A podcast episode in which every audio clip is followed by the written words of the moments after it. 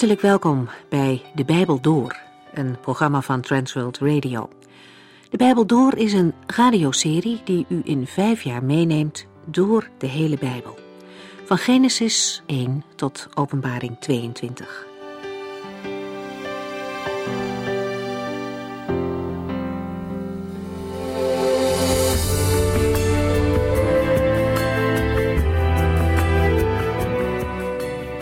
Vandaag beginnen we in Jozua 6.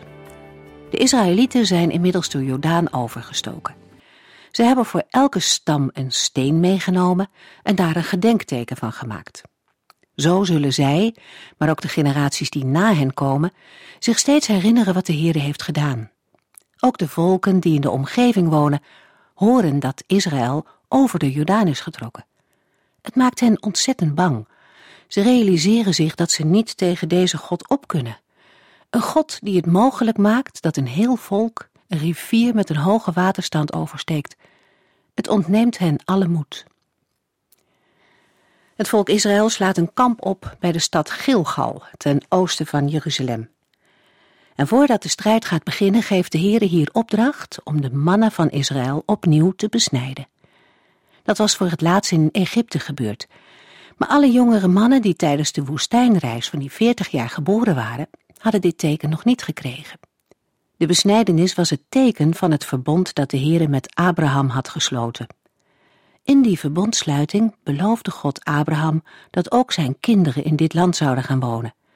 En daarom is dit het moment waarop het juist belangrijk is dat de mannen besneden worden. Het is ook een daad van geloof. Door te gehoorzamen zouden de meeste strijdbare mannen enkele dagen zwak en weerloos zijn, terwijl de vijand dichtbij was. Maar omdat de Heere het had gezegd, konden ze ervan op aan dat het een goed moment was. En terwijl de mannen herstelden, was het tijd om Pesach te vieren. Nog maar net in het beloofde land, dicht bij de vijand, viert Israël feest voor de Heere, om te gedenken dat Hij hen uit de slavernij verlost heeft.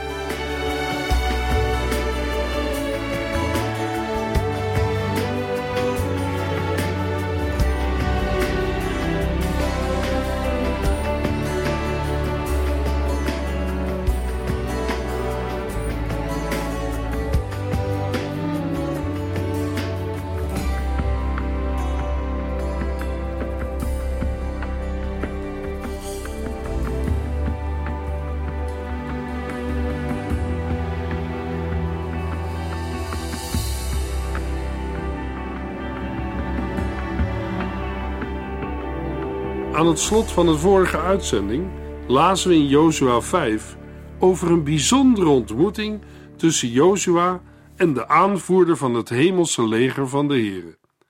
Jozua 5, vers 13 tot en met 15. Terwijl Jozua erover nadacht hoe hij de stad Jericho zou innemen, zag hij een man met een getrokken zwaard.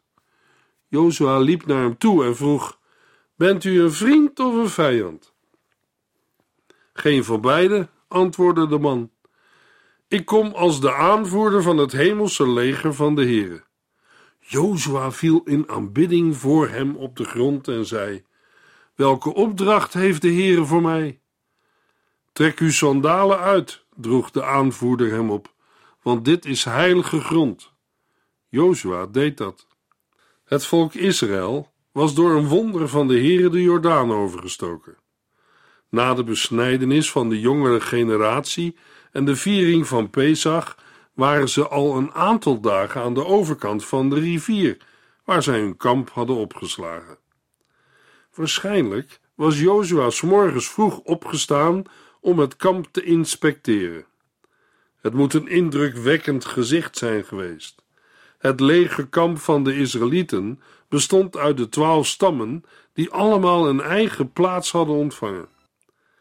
Terwijl Jozua erover nadacht hoe hij de stad Jericho zou innemen, overkwam hem een bijzondere ervaring.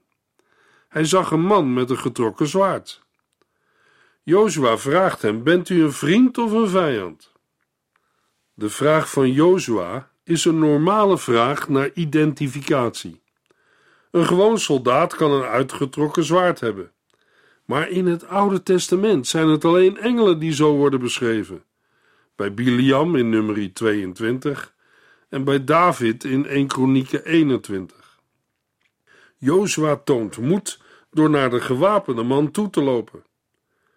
Jozua heeft geen visioen, maar een ontmoeting, zoals Abraham, Genesis 18, en Gideon, Richter 6.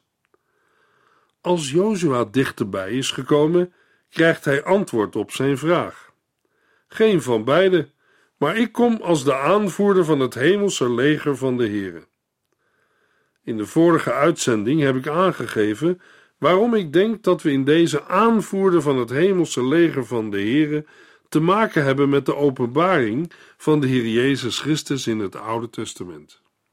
Een van de redenen is dat Jozua reageert door in aanbidding voor hem op de grond te vallen, en deze aanbidding wordt aanvaard. Engelen zijn geschapen wezens en de Heer heeft verboden het schepsel te vereren boven de schepper. Uit de aanvaarding van de aanbidding van Jozua moeten we concluderen dat we met God te maken hebben en wel met de Heer Jezus Christus als aanvoerder van het hemelse leger van de Heer. Jozua leerde en accepteerde dat hij helemaal niet de aanvoerder was. De leiding kwam direct van Gods troon. De Heere heeft de leiding. Jozua ontvangt zijn marsorders van God zelf. Als we straks de marsorders lezen, zullen die ons menselijk gesproken niet logisch voorkomen. Mogelijk heeft Jozua en het volk Israël dat ook wel bedacht. Maar ze kregen de orders van iemand die boven hen staat. Het is hun taak om te gehoorzamen. Een belangrijk aspect om even bij stil te staan. Ook vandaag kan een gelovige het gevoel hebben dat de Heer iets van hem of haar vraagt, wat menselijk gesproken helemaal niet logisch lijkt of is. Maar de Heere geeft geen opdracht opdat wij die zullen goedkeuren of beoordelen. Zijn opdracht moet worden uitgevoerd. Dat betekent gehoorzamen. Dat is vaak een vreugde, maar soms ook moeilijk. Wat is uw ervaring, luisteraar? In Jozua 6 gaat de werkelijke verovering van het beloofde land beginnen. Het volk Israël is de Jordaan overgestoken en zijn het land binnengetrokken. De Jordaan is in de zomer een klein stroompje, maar in het regenseizoen is het een bruisende watermassa. De ark van het verbond, gedragen door de priesters, ging voor hen uit. De ark beeldt de aanwezigheid en de aanvoering van de Here uit.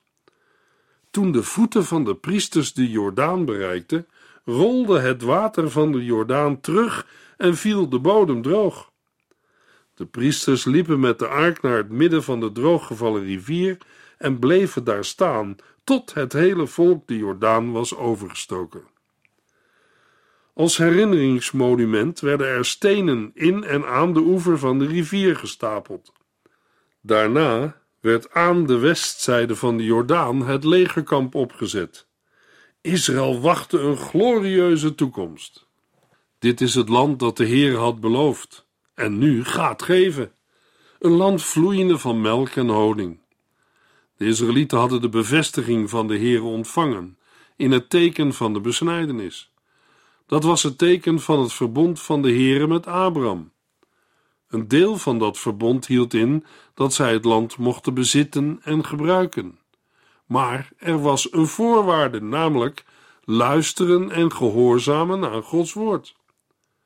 Voor een gelovige vandaag is dat niet anders. In Hebreeën 4, vers 11 tot en met 13 lezen we: Laten wij ons best doen deel te krijgen aan die rust. Daarom moeten wij oppassen God niet ongehoorzaam te zijn, zoals het volk Israël, dat daardoor die rust niet kreeg. Want het woord van God is levend en vol van kracht. Het is scherper dan een tweesnijdend zwaard. Het dringt zo diep door dat het alles in ons van elkaar lossnijdt, zelfs onze diepste gedachten en verlangens. Daardoor wordt duidelijk wie wij werkelijk zijn. God weet alles over iedereen. Alles in en om ons ligt open en bloot voor zijn ogen. Niets kan verborgen blijven voor hem, aan wie wij verantwoording moeten afleggen voor alles wat we hebben gedaan. De Heere weet alles over iedereen. Alles van wat wij wel en niet zijn. Hij is in staat door zijn woord en geest om te laten zien wat binnenin ons is, zowel goed als kwaad. Daarom moeten wij oppassen God niet ongehoorzaam te zijn, zoals het volk Israël, dat daardoor die rust niet kreeg. Ook vandaag moeten wij blijven bij en, als we zijn afgedwaald, terugkeren naar het woord van God. De Heere gaf de overwinning in de uitvoering van zijn marsorders.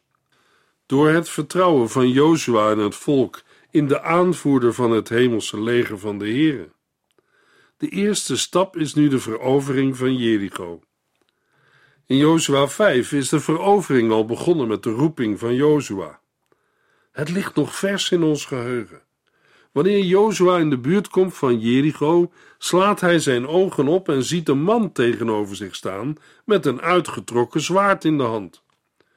Jozua loopt moedig op hem toe en vraagt waar hij bij hoort, tot ons of onze tegenstanders. De onbekende antwoordt door een ontkenning. Hij hoort niet bij een van beide partijen. Hij verduidelijkt zijn eigen positie door aan te geven dat hij de aanvoerder is van het hemelse leger van de Here. Op dit speciale tijdstip, na de besnijdenis en het Pascha, voor de aanval op Jericho, is hij gekomen. Jozua gelooft hem, buigt met het gezicht op de grond en vraagt: Welke opdracht heeft de Heere voor mij? De aanvoerder van het hemelse leger van de Heere antwoordt met de opdracht dat Jozua zijn sandalen van zijn voeten moet doen, want de plaats waar hij staat is heilig. En Jozua deed dat. De nieuwe leider van Israël heeft een soortgelijke ervaring als Mozes bij de brandende braamstruik. Exodus 3, vers 5. In beide gevallen geeft de Heer onderwijs en een bemoediging voor de situatie die volgt. Jozua mag weten dat Gods onzichtbare legermacht de strijd gaat voeren en de overwinning zal behalen. De inhoud van de boodschap lezen we in Jozua 6, vers 2 tot en met 5. Later zal Paulus zeggen: Als God aan onze kant staat, wie kan dan tegen ons zijn? En maar onder al die omstandigheden hebben wij, dankzij Hem die zoveel van ons houdt, de overwinning. Romeinen 8, vers 31 en 37. Zo kunnen gelovigen, ook christenen vandaag, die van zichzelf zwak zijn, de geestelijke strijd voeren. Efeziërs 6. We zullen zien dat de tactiek het verdelen van het land in twee delen is. Door het innemen van de steden Jericho en Ai zal Israël het centrum van het land in bezit krijgen. Daarna zullen ze in zuidelijke richting gaan. Een tactiek die later ook door anderen werd toegepast. De inname van Jericho onder leiding van de hemelse aanvoerder en het hemelse leger van de Here is bijzonder. Jozua 6, vers 1. De poorten van Jericho werden zorgvuldig gesloten gehouden, omdat de inwoners bang waren voor de Israëlieten.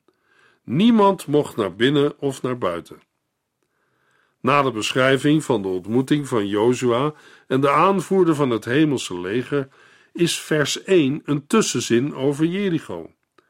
De lezer moet weten dat Jericho ondertussen zijn poorten heeft gesloten, waardoor de stad ontoegankelijk is geworden. Niemand kan meer mechtigheid of buiten. Hoe zal het volk Israël, onervaren in stadsveroveringen, deze stad met sterke muren ooit kunnen innemen? Na de Jordaan doet zich nu een nieuwe barrière voor. Jericho heeft zich voorbereid op de aanval van de Israëlieten. Wat zal er nu gebeuren? Jozua 6, vers 2 tot en met 5. Maar de Heere zei tegen Jozua: Jericho, zijn koning en al zijn machtige strijders zijn al verslagen, want ik heb hen in uw macht gegeven. Uw hele leger moet zes dagen lang, één keer per dag, om de stad heen trekken, gevolgd door zeven priesters die voor de ark uitlopen en ieder een ramshoorn dragen. Op de zevende dag moet u zevenmaal rond de stad trekken, terwijl de priesters op hun ramshoorn blazen. Wanneer zij dan een lang hard hoorngeschal laten horen, moet het hele volk hard juichen, waarna de muren van de stad zullen instorten. Daarna moet u van alle kanten de stad binnenvallen. De Heere zegt dat hij Jericho in de macht van Jozua geeft.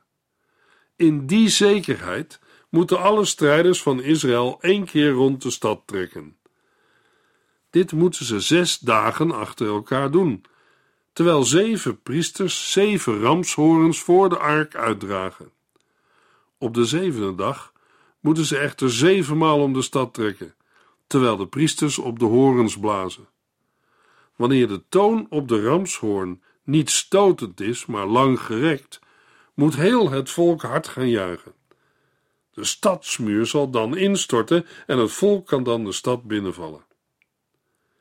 Jericho was vermoedelijk niet groter dan 3,5 hectare, zodat Israël ongeveer 1 kilometer moet afleggen om rond de stad te trekken. Waarschijnlijk kwam de voorhoede van de Israëlieten alweer terug in het kamp voordat de laatsten vertrokken. Er is geen sprake van een magische handeling, want de Heere zelf geeft het bevel en zorgt voor de verovering. In onze tijd zijn er in toenemende mate christenen die in het kader van de geestelijke strijd op basis van deze geschiedenis gebedsmarsen organiseren rondom bepaalde gebieden of gebouwen. Jozua 6, vers 6 tot en met 11. Jozua riep daarop de priesters bijeen en gaf hun de nodige bevelen. De gewapende mannen moesten de stoet aanvoeren, gevolgd door de zeven priesters die de ramshoorn bliezen. Achter hen moesten dan de priesters lopen die de ark droegen, gevolgd door de achterhoede. Jozua beval het volk: er moet volledige stilte in acht worden genomen. Laat niemand zijn mond open doen, tot ik u zeg dat u moet juichen. Juich dan. De ark werd die dag rond de stad gedragen, waarna iedereen terugkeerde naar het kamp om er de nacht door te brengen. Zoals we dat gewend zijn van Jozua in de eerdere hoofdstukken, volgt hij Gods opdracht op. Hij roept de priesters en draagt hen op de ark van de Here te nemen. De gelezen versen vertellen de uitvoering van de opdracht in de eerdere versen. In overeenstemming met de Hebreeuwse vertelwijzen worden er details vermeld die nog niet in het voorafgaande zijn vermeld, zoals het zwijgen en de achterhoede. Voor de inwoners van Jericho zal alles een eigenaardige indruk hebben gemaakt. Ongetwijfeld staan ze op de muren en bij de poorten op wacht. Dan komt het bericht: ze komen eraan. Maar wat zien ze? Jozua en het leger van Israël marcheren in de richting van de stad. Voorop wordt de ark gedragen door de priesters, gevolgd door de priesters met de ramshoorns. Gaan ze aanvallen? En waar en hoe zullen ze dat doen? Dan gebeurt er iets vreemds. Ik stel mij voor dat de wachten op de muur en bij de poorten elkaar berichten: ze vallen hier niet aan, ze lopen verder. De Israëlieten lopen rondom de stad en in plaats van aan te vallen, gaan ze terug naar hun kamp. Mogelijk dat iemand in Jericho nog denkt: ze vallen zeker vannacht aan. Maar ook dat gebeurde niet. Jozua 6, vers 12 tot en met 14. Toen het de volgende morgen licht werd, maakten zij weer een rondgang. Daarna keerde iedereen terug naar het kamp. Dit deden zij zes dagen lang. De volgende dag staat Jozua vroeg op en de priesters nemen opnieuw de ark. De zeven priesters blazen voortdurend op de ramshorens, terwijl de gewapende strijders voor hen uitgaan en de achterhoede volgen. Met het noemen van de ark van de Heere ligt alle nadruk op Gods aanwezigheid. Op deze tweede dag trekt het volk één keer om de stad en keert daarna terug in de legerplaats. Dat doen ze zes dagen lang. De inwoners van Jericho zijn getuigen van deze bijzondere plechtigheid. Zij besluiten niet om zich over te geven, maar wachten af wat er verder gaat gebeuren. Jozua 6, vers 15. Bij het aanbreken van de zevende dag gingen ze weer naar de stad. Maar nu liepen ze er zevenmaal omheen in plaats van eenmaal. Op de zevende dag staan de Israëlieten zeer vroeg op. Dit keer trekken ze ook om de stad heen, maar nu zeven keer achter elkaar. Jozua 6, vers 16, 20 en 21. Bij de zevende keer lieten de priesters de ramshoorn klinken. En Jozua riep tot het volk: Juich, de Heere heeft ons de stad gegeven. Toen de ramshoorn schalde, juichte het volk, en daarop stortte de stadsmuur in. De Israëlieten stroomden van alle kanten de stad binnen en namen haar in. Ze vernietigden alles: mannen en vrouwen, jong en oud, ossen, schapen, ezels, letterlijk alles.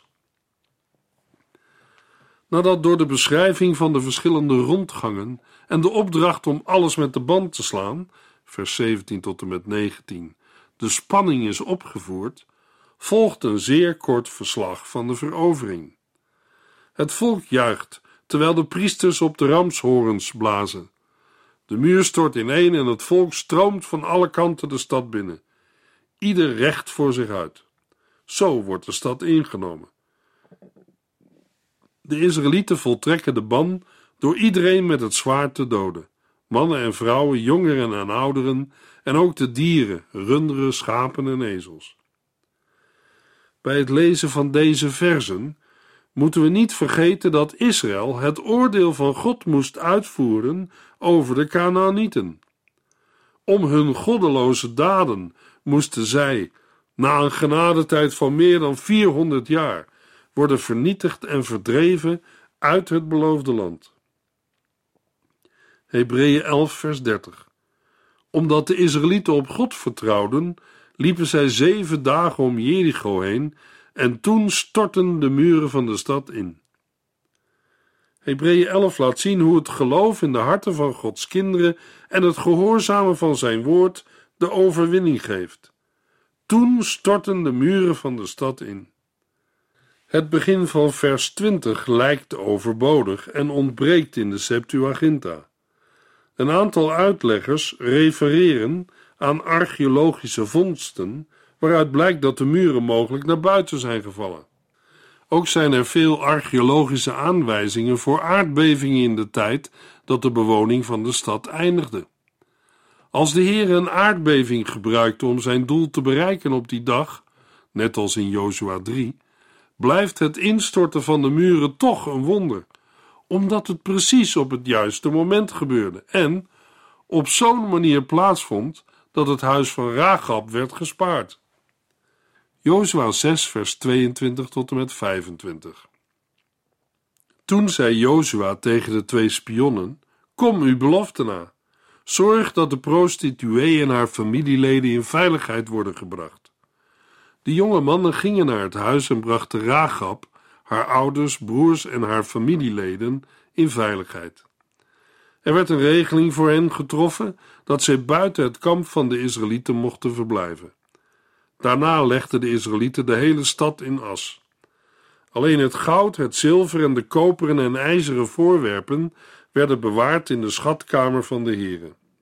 Zo spaarde Jozua de prostituee Ragab en al haar familieleden die bij haar in huis waren.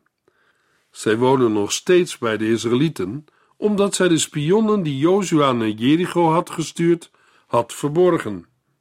De twee spionnen krijgen van Jozua te horen dat zij het huis van Ragab binnen moeten gaan om haar en die bij haar horen naar buiten te brengen, zoals zij hebben gezworen. Ze doen wat van hen gevraagd wordt en brengen Ragab, haar vader, moeder, broers en alle die bij haar horen, al haar familieleden naar buiten en wijzen hen een tijdelijk verblijf aan buiten de legerplaats van Israël. Ragab en haar familie moesten eerst een periode in afzondering leven voordat ze in de legerplaats van Israël konden worden opgenomen. De situatie van een krijgsgevangen vrouw in Deuteronomium 21 heeft betrekking op andere volken, niet op Canaanieten. Een man uit Israël die een ander gedood had, moest ook een week in afzondering leven en zich met reinigingswater laten ontzondigen. Nummer 19 en 31. De legerplaats van Israël is heilig. Leviticus 13, nummer 5 en Deuteronomium 23. Nadat dit alles gebeurd is, steken de Israëlieten de stad Jericho in brand. Later doen ze dit ook met Ai en Hazor, maar niet met de andere steden. Jozua 11, vers 13. Het is een van de redenen waarom de verovering door Jozua weinig archeologische sporen heeft nagelaten. In Jericho zijn wel sporen van verbranding gevonden, onder andere vaten met verbrand graan. Jozua 6, vers 26. Jozua sprak daarna een vreselijke vervloeking uit over iedereen die Jericho zou proberen te herbouwen. Het leggen van het fundament zou het leven van zijn oudste zoon kosten. En als hij de poorten overeind zou zetten, zou dat gaan ten koste van zijn jongste zoon. Tot slot wordt de eed van Jozua vermeld. Vervloekt is de man die Jericho herbouwt. Deze vloek heeft geen betrekking op het wonen in Jericho, maar op het herbouwen van de muren en de poorten. We zullen in 1 Koningen 16 zien dat Jericho werd herbouwd en de vervloeking die Jozua had uitgesproken uitkomt. Het gevolg van de gehoorzaamheid van Jozua komt in vers 27 naar voren. Zo hielp de Heere Jozua en hij werd overal beroemd. Dit is geen heldenverering. De Heere verleent zijn goedkeuring en vervult de belofte van Jozua 1 vers 5. Jozua's gehoorzaamheid staat in scherp contrast met de ongehoorzaamheid van Agan in Jozua 7. Maar daarover meer in de volgende uitzending. Jozua 7 vers 1 tot en met 8 vers 29.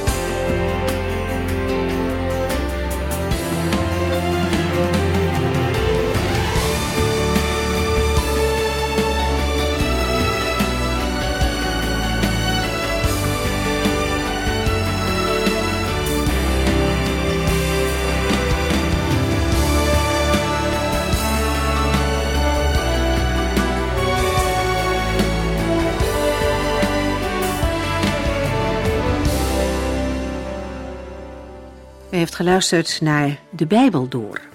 In het Nederlands vertaald en bewerkt door Transworld Radio. Een programma waarin we in vijf jaar tijd de hele Bijbel doorgaan. Als u wilt reageren op deze uitzending of u heeft vragen, dan kunt u contact met ons opnemen. Tijdens kantooruren kunt u bellen op 0342 47 8432. 0342 47 8432. 32. Ook kunt u een e-mail sturen naar de Bijbel transworldradio.nl en natuurlijk kunt u ook via de post ons bereiken. TWR, postbus 371, postcode 3770, AJ in Barneveld. Dit programma werd gepresenteerd door Cor Weda en Ike André. Techniek was in handen van Odin van Woerdekom. En wij allemaal bedanken u voor het luisteren. Graag tot de volgende keer.